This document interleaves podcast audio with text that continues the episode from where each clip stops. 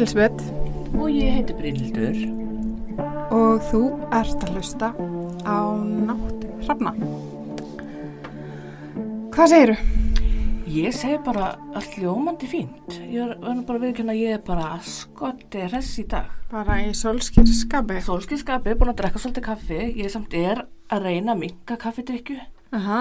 Já, hún fer svo í kvíðan minn, sko. Já, ég kannast alveg við það. Þetta er alveg kallað kvíðasafi, sko. Já, kvíða djúsin, sko. Já. Já, en ég er að, eitthvað að reyna að minka, en í dag ætla ég ekki að vera minkunavaktunni. Nei, nei, þá getur bara beðið til Já, morguns. já, já, já, annars er ég að fara í bíó eftir á Little Mermaid. Ok, spennó.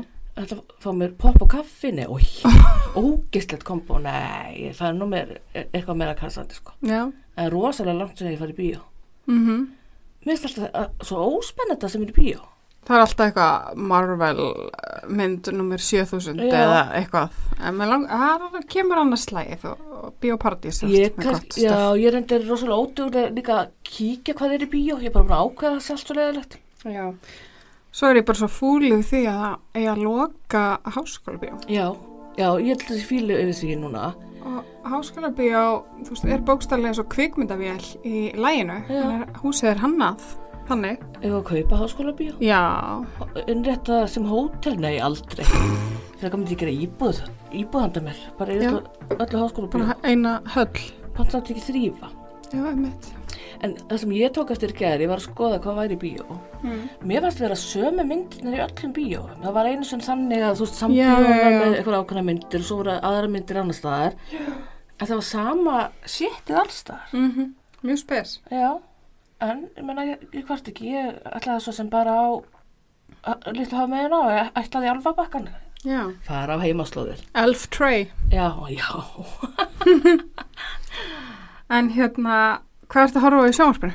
Eða þú veist, á streymi sem veitum ljósvagans. það sem ég er að horfa á uh, ég ætla nú varla að þóra viðkjöna ég byrjaði að horfa á eitthvað nýja seri á Love Island bara núna í morgun já, breska Love Island það er bara, það er svo gaman að fylgjast með Þú ert ástarfíkil, eða ekki? þetta er ástarfíknin í mér en þetta er líka ég, ég er að reykja í gegnum hérna keferdina, Já. ég ætla að hætta að reykja 2005 finnst þú vera gaman að vera kringum reykjandi fólk.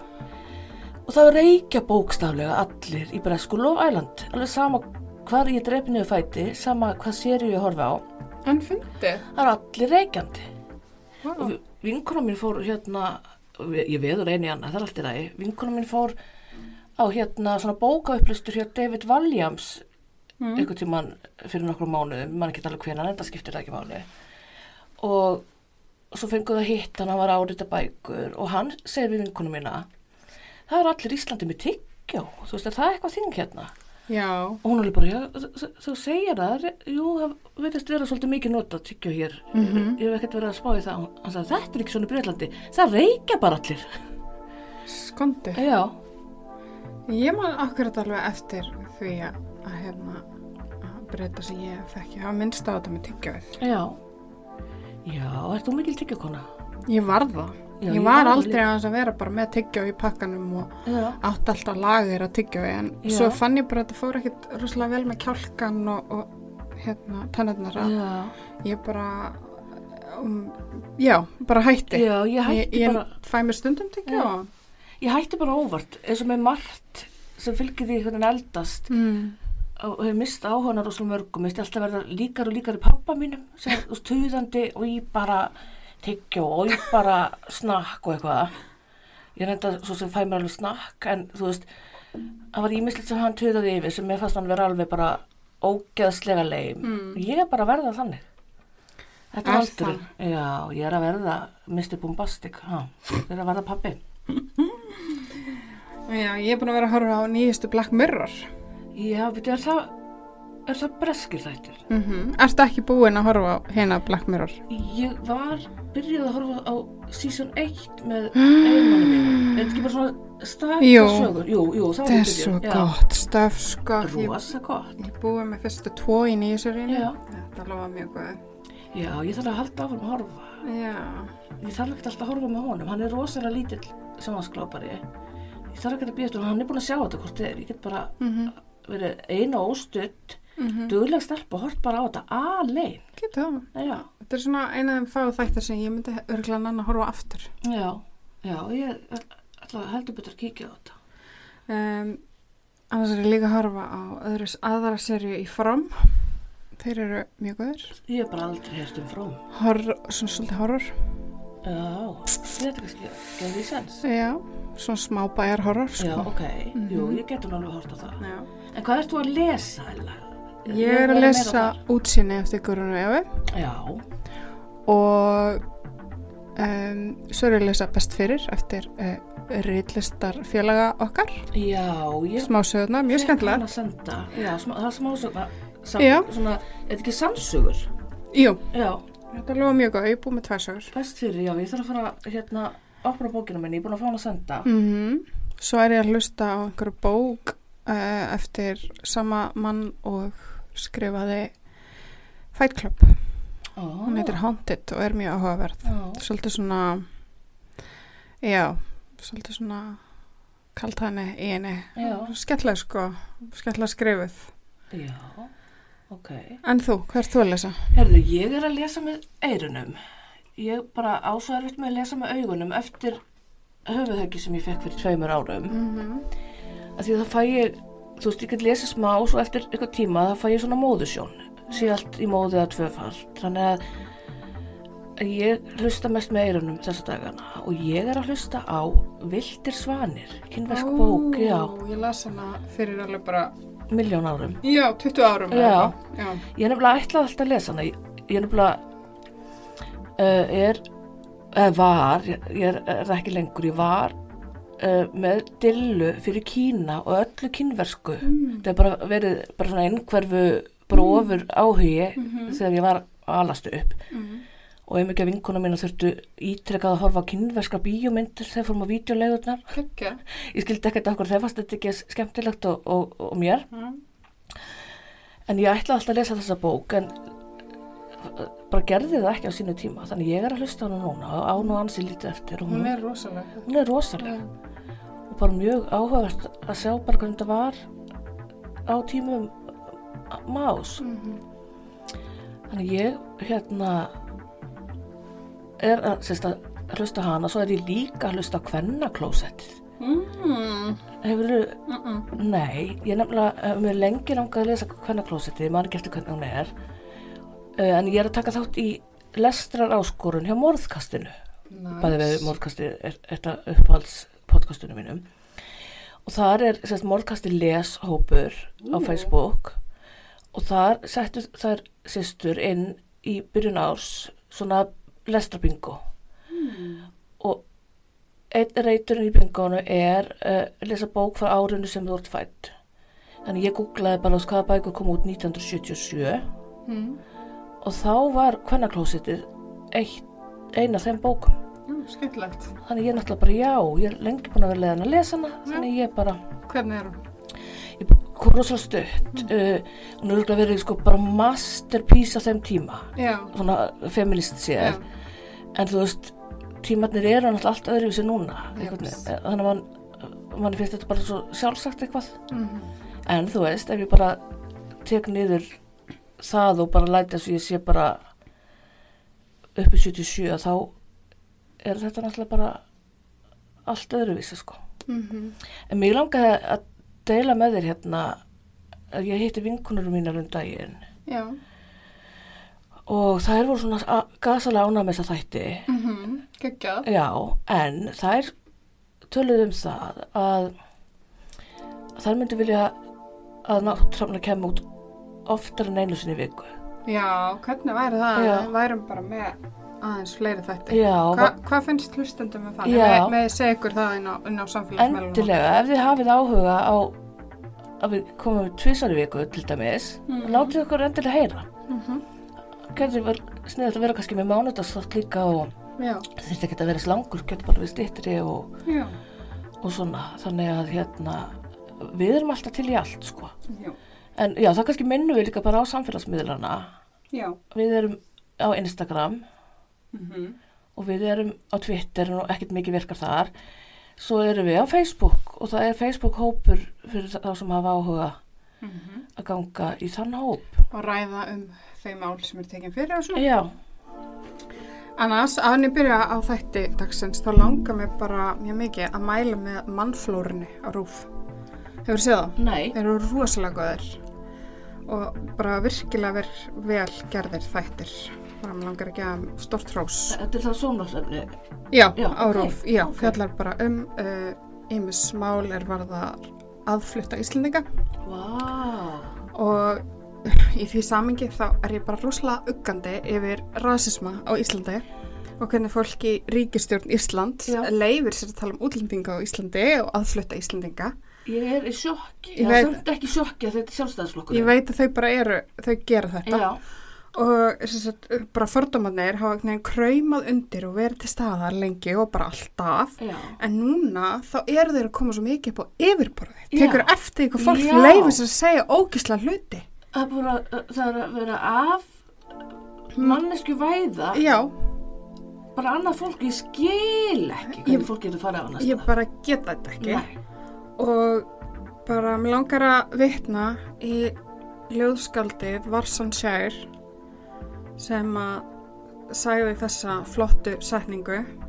Þið verðið að skilja að enginn setur börnin sín í bátinn nema sjórin sé örugar en landið. Uh, og þannig er þetta bara. Og við getum Vá. öll lent í þeirri stöðu að fara á flótta. Já, Ég meina við búum á eldgosa eigu. Við getum alveg lendi í hamförum hér sem að yrði til þess valdanda að við yrðum að flýja landa okkar. Þannig að bara vinsamlega já, fólk. komið fram við fólk að þetta vilja þessi komið fram við ykkur Jepp. og ég er bara ekki sjokki ég sá hérna að hérna, hvort að Bjarni Ben hafi verið að tala um það að að það brinni helst að fólki útlýtingamálin og, og löggæslan nei, Nei, bara alls ekki. það er bara Alls ekki. þetta Þessi maður er peningaástand, bara ekkert í tengslum við fólki í landinu. nei, þessi maður sko ha, fá bara almenna ríkistönd ég er alveg svolítið þreytt þessari Já, mjög. Bara burt með hana. En allavega, aður en ég byrja á sögu vikunar langar mig að segja að þátturinn er alls ekki við hæfi barna yngri en 16 ára. ég er það farin nei, afsakið Mér langar líka að benda á píhjöndasamtökin fyrir fólk sem upplifir sjálfsvíkshugsanir og hjálpar síma Rauðakrossins 1717. Þið eruð ekki einn, það er hægt að líða betur og áður en þið byrja að hlusta þá verður minnst á sjálfsvík í þættinum ef þið viljið einfallega hætta við að hlusta núna. Ok, En mannst þú eftir Momo? Þá, nei, þá er ég ekki að tala um íslensku fatahæslununa Momo eða barnabókina Momo eftir Michael Ende nú nei, það er ekki eftir Momo heldur internet fyrir bæri Momo. nei, ég man ekki eftir því Ok. Það var uppi fótur fyrt hérna fyrir nokkrum árum síðan og börn voru að taka þátt í einhverju Momo áskorun á samfélagsmiðlum. Það er hæðilega við það er að foreldrar voru hvað döglegastar að dreifa upplýsingum um Momo í varuðaskinni með upprópunum til barna sinna. hvernig var þetta? Svona fári var kringum 2018-2019 já, og það er fátt meira aðlandi hjá börnum en eitthvað sem er sérstaklega búið að brína fyrir börnum að gera alls ekki. mhm Fóreldrar voru því hvað dögulegast er að dreifa báðskapnum um Momo og auka á fárið fremur en minka það. Já, típist. En meira um hana. Momo lítur út eins og einhvers konar afskræmt teiknumyndafígura af stelpu. Hún er með risastór augu án augloka og augnhára. Brós hennar nær næstum að eyrum. Nefið er svo smágjart að það lítur út fyrir að það séu bara tvær nasir inn í miðju andlitinu. Hún er föl með bauga og líflöst hár sem minnir mig alveg smá á draugin, draugin í ringu. Þið sem viti bara alls ekkert hvað er að tala um, þá getið þið kíkt á samfélagsmiðlun okkar eða googlað. Ok, við erum eitthvað að fara að ráma þú lýsir hérna Momo. Já. Já, þá tengi ég eitthvað. Ég er kannski bara ekki að vita heitið, sko, það er búið að gleyma. Ég er náttúrulega, man já. ekkert allt. Þetta var alveg í fréttunum, hérna líka. Sagan segir að Momo eigi að hafa hakkað sér inn í ymsa barnaþætti eins og Peppa Pig eða Minecraft-vídeó og þá líta þættirnir út fyrir að vera venjulegir en þegar eitthvað líður á byrtist Momo með skipanir. Auglustlega var það ekki Momo sjálf sem hakkaði sig inn í þættina heldur einhverjir óprútnir aðilar sem stunduðu að setja þessa þætti inn. Uh, fárið í kringum þessa veru var rosalett árið 2019 tvítaði kona að nafni Vanda Maximoff eftirfærandi. Varúð, les þetta, þetta segi ég alveru. Það er eitthvað sem heitir Momo og er að skipa krökkum að taka sitt eigi líf. Látið öll vita og meðfylgjandi var mynda henni opin eigðu Momo. Þessi var deilt 22.000 sinnum þannig að myndina Momo var út um allt netið, fréttamiðlar hoppið á vagnin og vöruð fólkdra við. Kim Kardashian deildi þessu einni til 129 miljónar fylgjenda sinna á Instagram og það var viðvaranir út um allt internet að vara við Momo og svo kallaðari Momo áskurun eða Momo Challenge. Ég, það er nafnir og krútlegt þess að Mhm. fólk ykkur svona creepy dótar í, sko. En Momo fekk þvíleikt miklu auðlýsinga og lauruglu yfirvöldi í ymsum löndum sendi líka út myndbönd og viðvaranir til foreldra og foreldra voru kvöld til að fylgjast með internet nótkum barna sinna og hvað þau var að gera og brína fyrir þeim og Momo væri ekki alvöru manneskja og gæti ekki skada þau. Það versta er að þetta getur líklega illt verra. Það var til dæmis, eh, kannski svona skástafréttin í kringum þetta fár var fyrirlega frétt að breskir fimmar á stúlku sem klift af sér hárið. Þegar mammina spurði hvers vegna hún hafi gert það, sagði hún að Momo hefði sagt sér gera það. Hún hefði verið að horfa á einhverja teiknumynd á YouTube Kids og Momo hefði byrst á skjánum og sagt hann að klippa af sér hárið. Ef hún myndi ekki gera það, er þið Momo mjög reið og myndi skamminar, skamma hana. Mamma hennar sagði svo að stelpan var mjög spennt fyrir því að komast aftur í síman hennar til að geta séð hvað Momo myndi segja henni að gera næst. Nei. Ógeðslega creepy. Já, vá. Það sem ég finnst alveg svolítið skrítið hér að mamma virtist ekki alveg að vita hvað barnið var að horfa á, nefnir ekki að hún hafa farið tilbaka að horta á það sem barnið var að horfa á. Allavega myndi ég gera það. Uh, já. Þessi mamma slökti á internetuna heima hjá sér sem finnst alveg stórkvæslega skondi. Mm. En svo byrtist grein árið 2019 í veftímaritinu Atlantic um svipaleiti og allt þetta á sér stað og bara svolítið eftir uh, mestafárið þar sem fullert er að móma áskurinn væri ekki til. Þetta væri svindl sem væri viðhaldi að hrættum fóreldrum og fréttamiðlum. Þetta væri ekki til neina sannanir fyrir því að börn hefði látið lífi við að framkoma áskurunina og engin myndbönd af þeim að gera það. Hins vegar eru þó til nokkra fréttir á vefnum að börnum sem tóku ef í eilíf og grunur leik á að hægt væri reykja þetta í Momo. Vá. En að uppruna Momo. Momo er listaverk eftir japanska listamannin Keisuke Aiso. Hann frumsindi listaverkið árið 2016 á listasýningu í Tókjó. Momo er á fugglafótum með þetta stóra starandi andlit og með brjóstaskori. Þetta er að skuldur sem er frekar undalegt og hún er með brjóstaskori og ofan á okkur um fugglalöpum. Já, byrja, þann- þannig að Momo er listaverk. Já, Þannig að það hefði getið verið Mona Lisa. Jú, segðu. Já, maður veit aldrei hvað er næst, sko. Í raun er allt mjög undarlegt við útlit hennar og hún hefur verið eigðilögð í dag en upphálega hét hún alls ekki Momo heldur hét hún Móðurfugl og eru byggða þekktri japanskri sögu um konu sem hét Ubume. Hún var hálf kona og hálfur fugl og sagan segir að hún sé tínd sál konu sem lést af barsförum og ásækir fólk á svæðinu þar sem hún lést. Sögur af úbúmi hafa verið sagðar að minnstakosti frá 12. öld og mögulega lengur. Úbúmi byður fólk á förnum vegi að halda á barninu sínu í smá stund en hverfur um leið og viðkomandi tekur við barninu.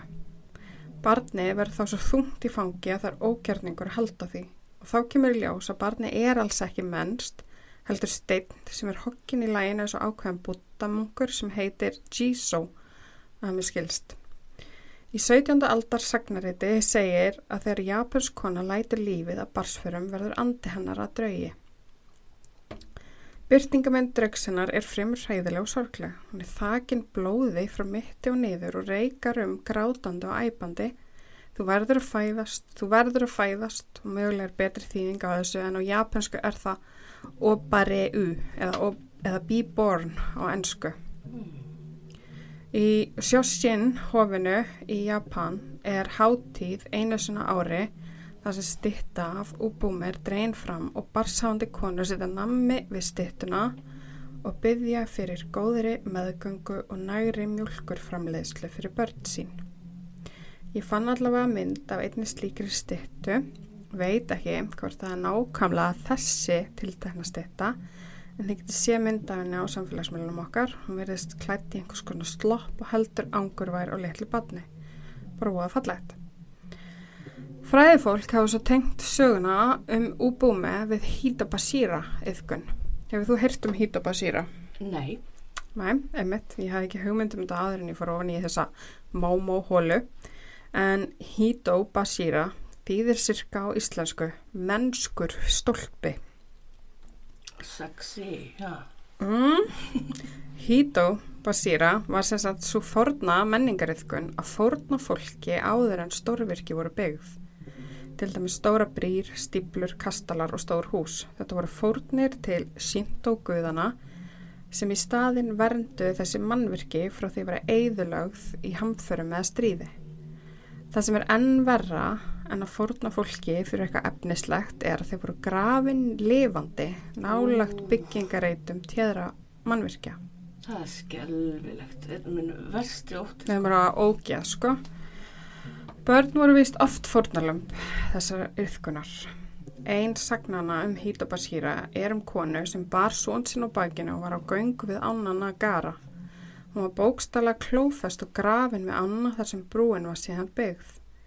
Ég hef ekki fundið neina aðra sögur sem getur mögulega verið hægt að tengja við úbúmi en líklega eru til fjöldamargar sagnir um Hítobasíra á japansku. Ég tala bara því miður, ekki japansku. Mm, ekki heldur ég. Ekki heldur kynvisku, þá nú Nei. leiðið yfir öllu kynvisku hér Já. áður. Hmm. En tali er að Hito Basíra hafi hafist á fjórðöld. Það var keisari að nafni Nintoku sem hafði áhyggjur af tveimur ám sem flætti yfir bakka sína. Kitakawa á og Mamuta á fyrir ykkur sem þekki til Japans.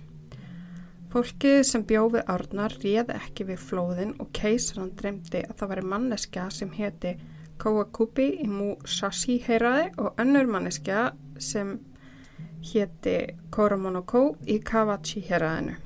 Væri þeim fórnað til Shinto guðana myndi flóðin hætta. Kawakubi var hendi Kitawa ána þar sem hann druknaði. Eftir það voru byggðið flóðgarðar við ána. Koromonoko náði hins var að flýja örlöksinn og var því ekki fórnað. Ég veit ekki hvernig árnar urðu eftir þessar, eftir þessar fórn. Nei, jésús. En á auki og svona til gamans eða svona, þetta er samt ræðilegt, ætla ég að segja tvær frægar sögur um Hítabasíra. Einn gerist þegar Maruka kastalinn var í byggingu. Verkamenn áttu í stökustu vandræðum því einn steinveikurinn hrundi jafn áðum og hann var byggður. Sama hversu oft. Það var einhver lénsmaður sem greinilega hafði einhver völd sem stakk upp á því að fórna einhverju mannesku til þess að bygging kastalans myndi ganga bet- betur. Og Sisu, eineigð og fátæk móðir tveggja barna var valin og samþykti hún að vera Hítubasíra fyrir kastalan með því skilirði að sonur hennar yrði gerður að samúræ. Þið ykkar sem ekki vitið þá er samúræ hermaður ekki bara venjulegur hermaður, heldur einhvers konar aðals hermaður. En Ósissu var grafin undir máttarstolpa Kastalans. Eftir það gekk bygging Kastalans vel og hann var loksins full búinn. En sá sem let byggja Kastalan og hafði lofað Ósissu að gera son hennar að samúræ var svo færður um set í annað hérað og emdi því aldrei lofað sitt við hana. Á hverju ári eftir það yfirflætti kastaladíkið í vorregningum. Fólkið í Marokka taldi það vera hemd og sissu sem saði regninguna vera sorgartár hennar. Eftir það var reist minnismerki fyrir Oshisu í kastalanum til þess að róa anda hennar en ekki kemur fram hvort það hafi einhverju breytt. Yes, svo er það hérna hín sagan, hún pellar um verkamenn sem eru að reyna að byggja brú. Grunninum af brúnni var stöðugt skólað í burtu af ströym hardri anni og töldu þeir að það var í guðinir að stríða þeim. Þá komist þeir að þeirri niðurstöðu að þeir yrðu að finna hít og basíra til þess að geta klára verkið. Þeir vissu bara hins vegar ekkert hvern þeir ætti að fá í það og tóku þá bara fyrðulega ákverðin um að næstu mannesku sem ekki væri með fellingu á fötunum sínum. Ég held að þetta sé eitthvað svona brot sem er saumað í ákveðan klæna, gengi fram og myndi ganga fram hjá þeim og að þeirri mannesku eru fórnað. Einmingi maðurinn sem uppfyldi þau skilirvi var maður á nafni Gensuke. Þeir gripu hann og hendu honum í anna og gróðu hann það lifandi undir brúastolpa. Eftir það áttu þeir ekki neinu vandræðum um byggingu brúarinnar. Brúin stóð í hundruður ára og árið 1890 þurfti að endurbyggja hana. Fólki í þorpinu þorði vist ekki nálat brúnni þegar hún var endurbyggð. Hrættum og því er þið fórna næst. Já, vá, Mm -hmm. það skil ég mjög vel. Já. Síðan Gensuke var fórnað hefur staðurinn haft á sér orðspor um að þar sé reymt. Það hafa farið á kreik sögusagnir um að stundum glói miðjustólpin í brunni í myrkri einmitt þar sem Gensuke var grafin lifandi. Árið 1936 var brúin svo aftur endurbyggð og þá lést þar vinnumadur þegar þungfata fjall niður á hlið brúarinnar á ofan á höfuð hans. Fréttir frá þessum tíma herma að slísið hafi verið andaginn súkja að kenna. En vinnumæðurinn hafði einmitt verið að vinna við dánasta hans.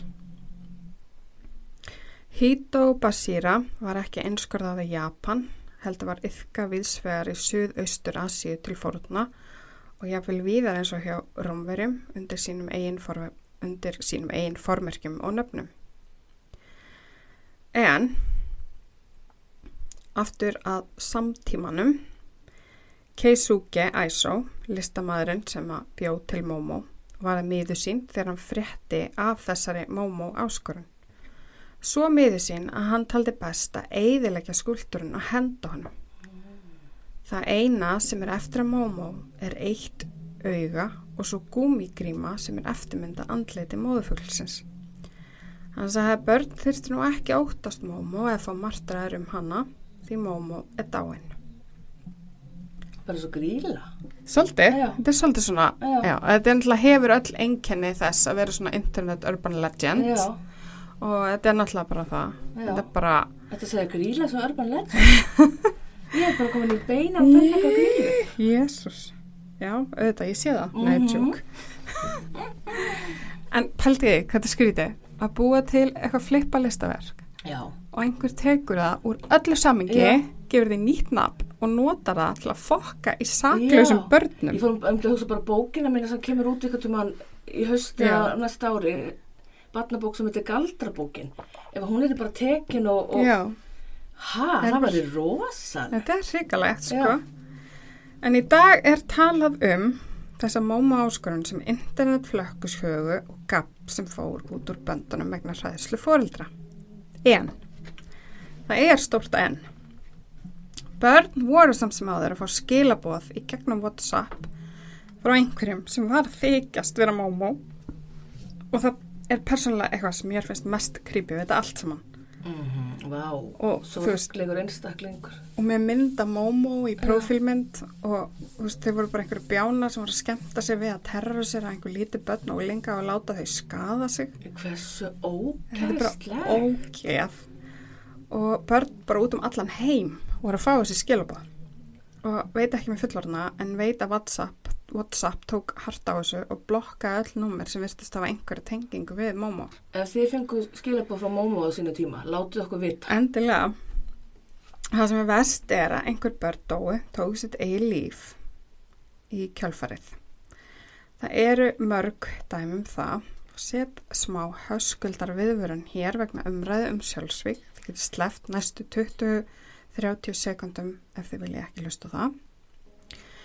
En það var 12 ára stúlka í Argentínu sem tók sitt eigi líf Hún hafi tekið upp myndbönd á síman sinn rétt fyrir sjálfsvíð og töldu yfirvöld þar að einhver hefði sagt henni að taka sitt eigi líf. Bróður hennar kom að henni hangandi úr tríu í bakgarðinum með síman nálat sér.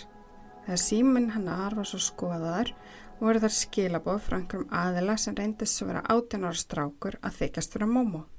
Ræðilegt. Mm Það hafi verið ætlinin að byrta svo myndbandi af sjálfsvíðinu á samfélagsmiðlum og segja það vera vegna mómólegsins.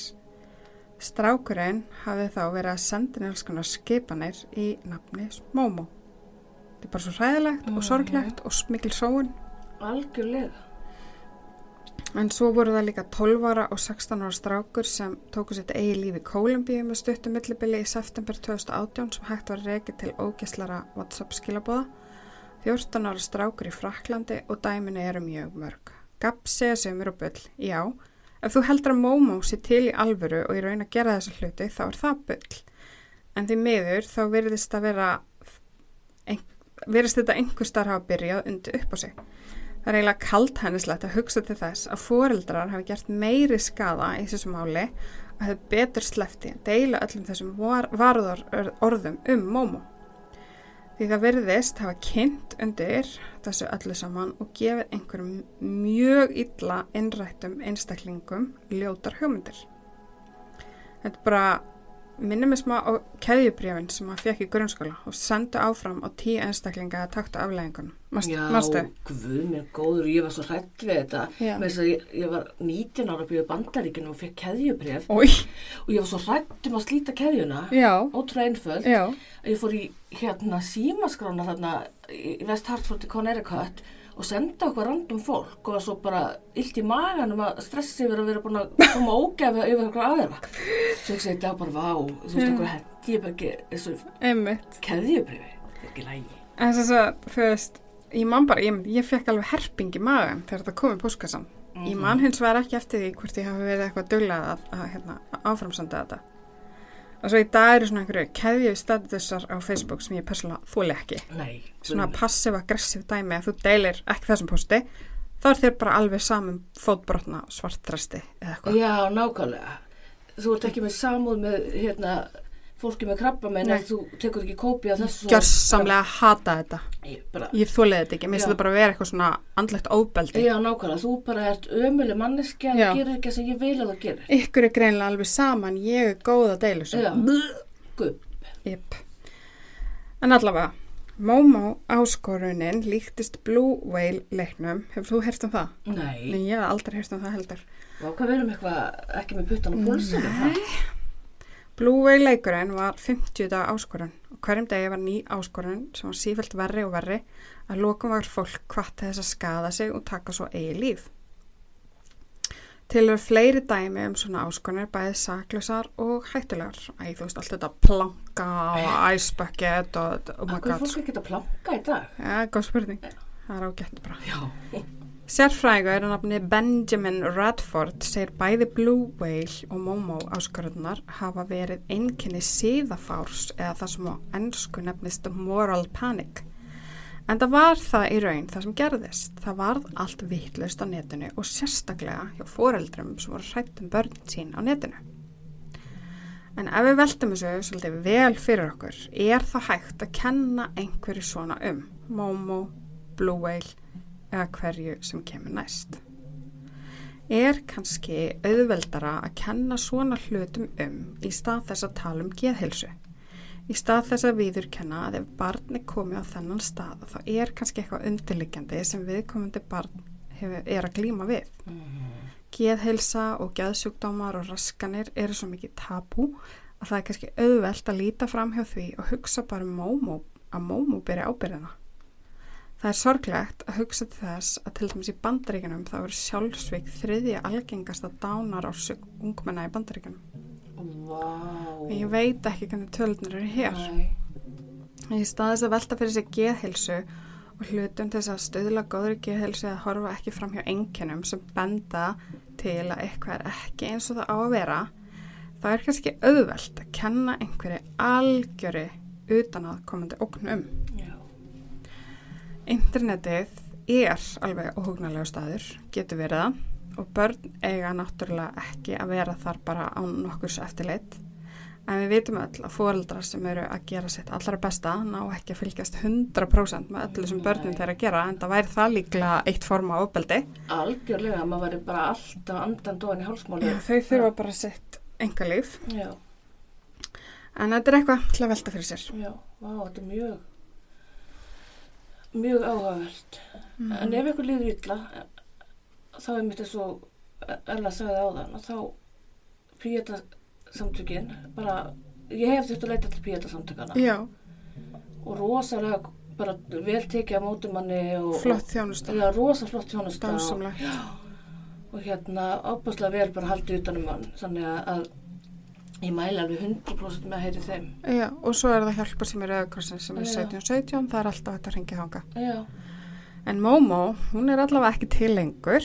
Hérna er að segja aldrei Momo. Hún er alveg 100% ekki að segja neinum að gera neitt. nei En já, Mér finnst Mómo vera svona gæludýra svona kísuna já, ég, sk ég skal sína það mynda henni. Já, síndi mig myndan, ég er mjög spennt Mm Ég vissum að ég hefur sko síðan mynd af henni Veslunin Mómo Já, ah, ég man eftir henni ha. Ég Þetta er listaverki hérna. Já, En við setjum inn myndir á, á samfélagsmeilina. já, heldur betur Mér leiði að þáttur engi mér út. Já, Þannig að við ætlum bara að bjóða ykkur góða nótt núna. Við erum hérna dreipastur hita í, í hitakompu stúdíónu okkar.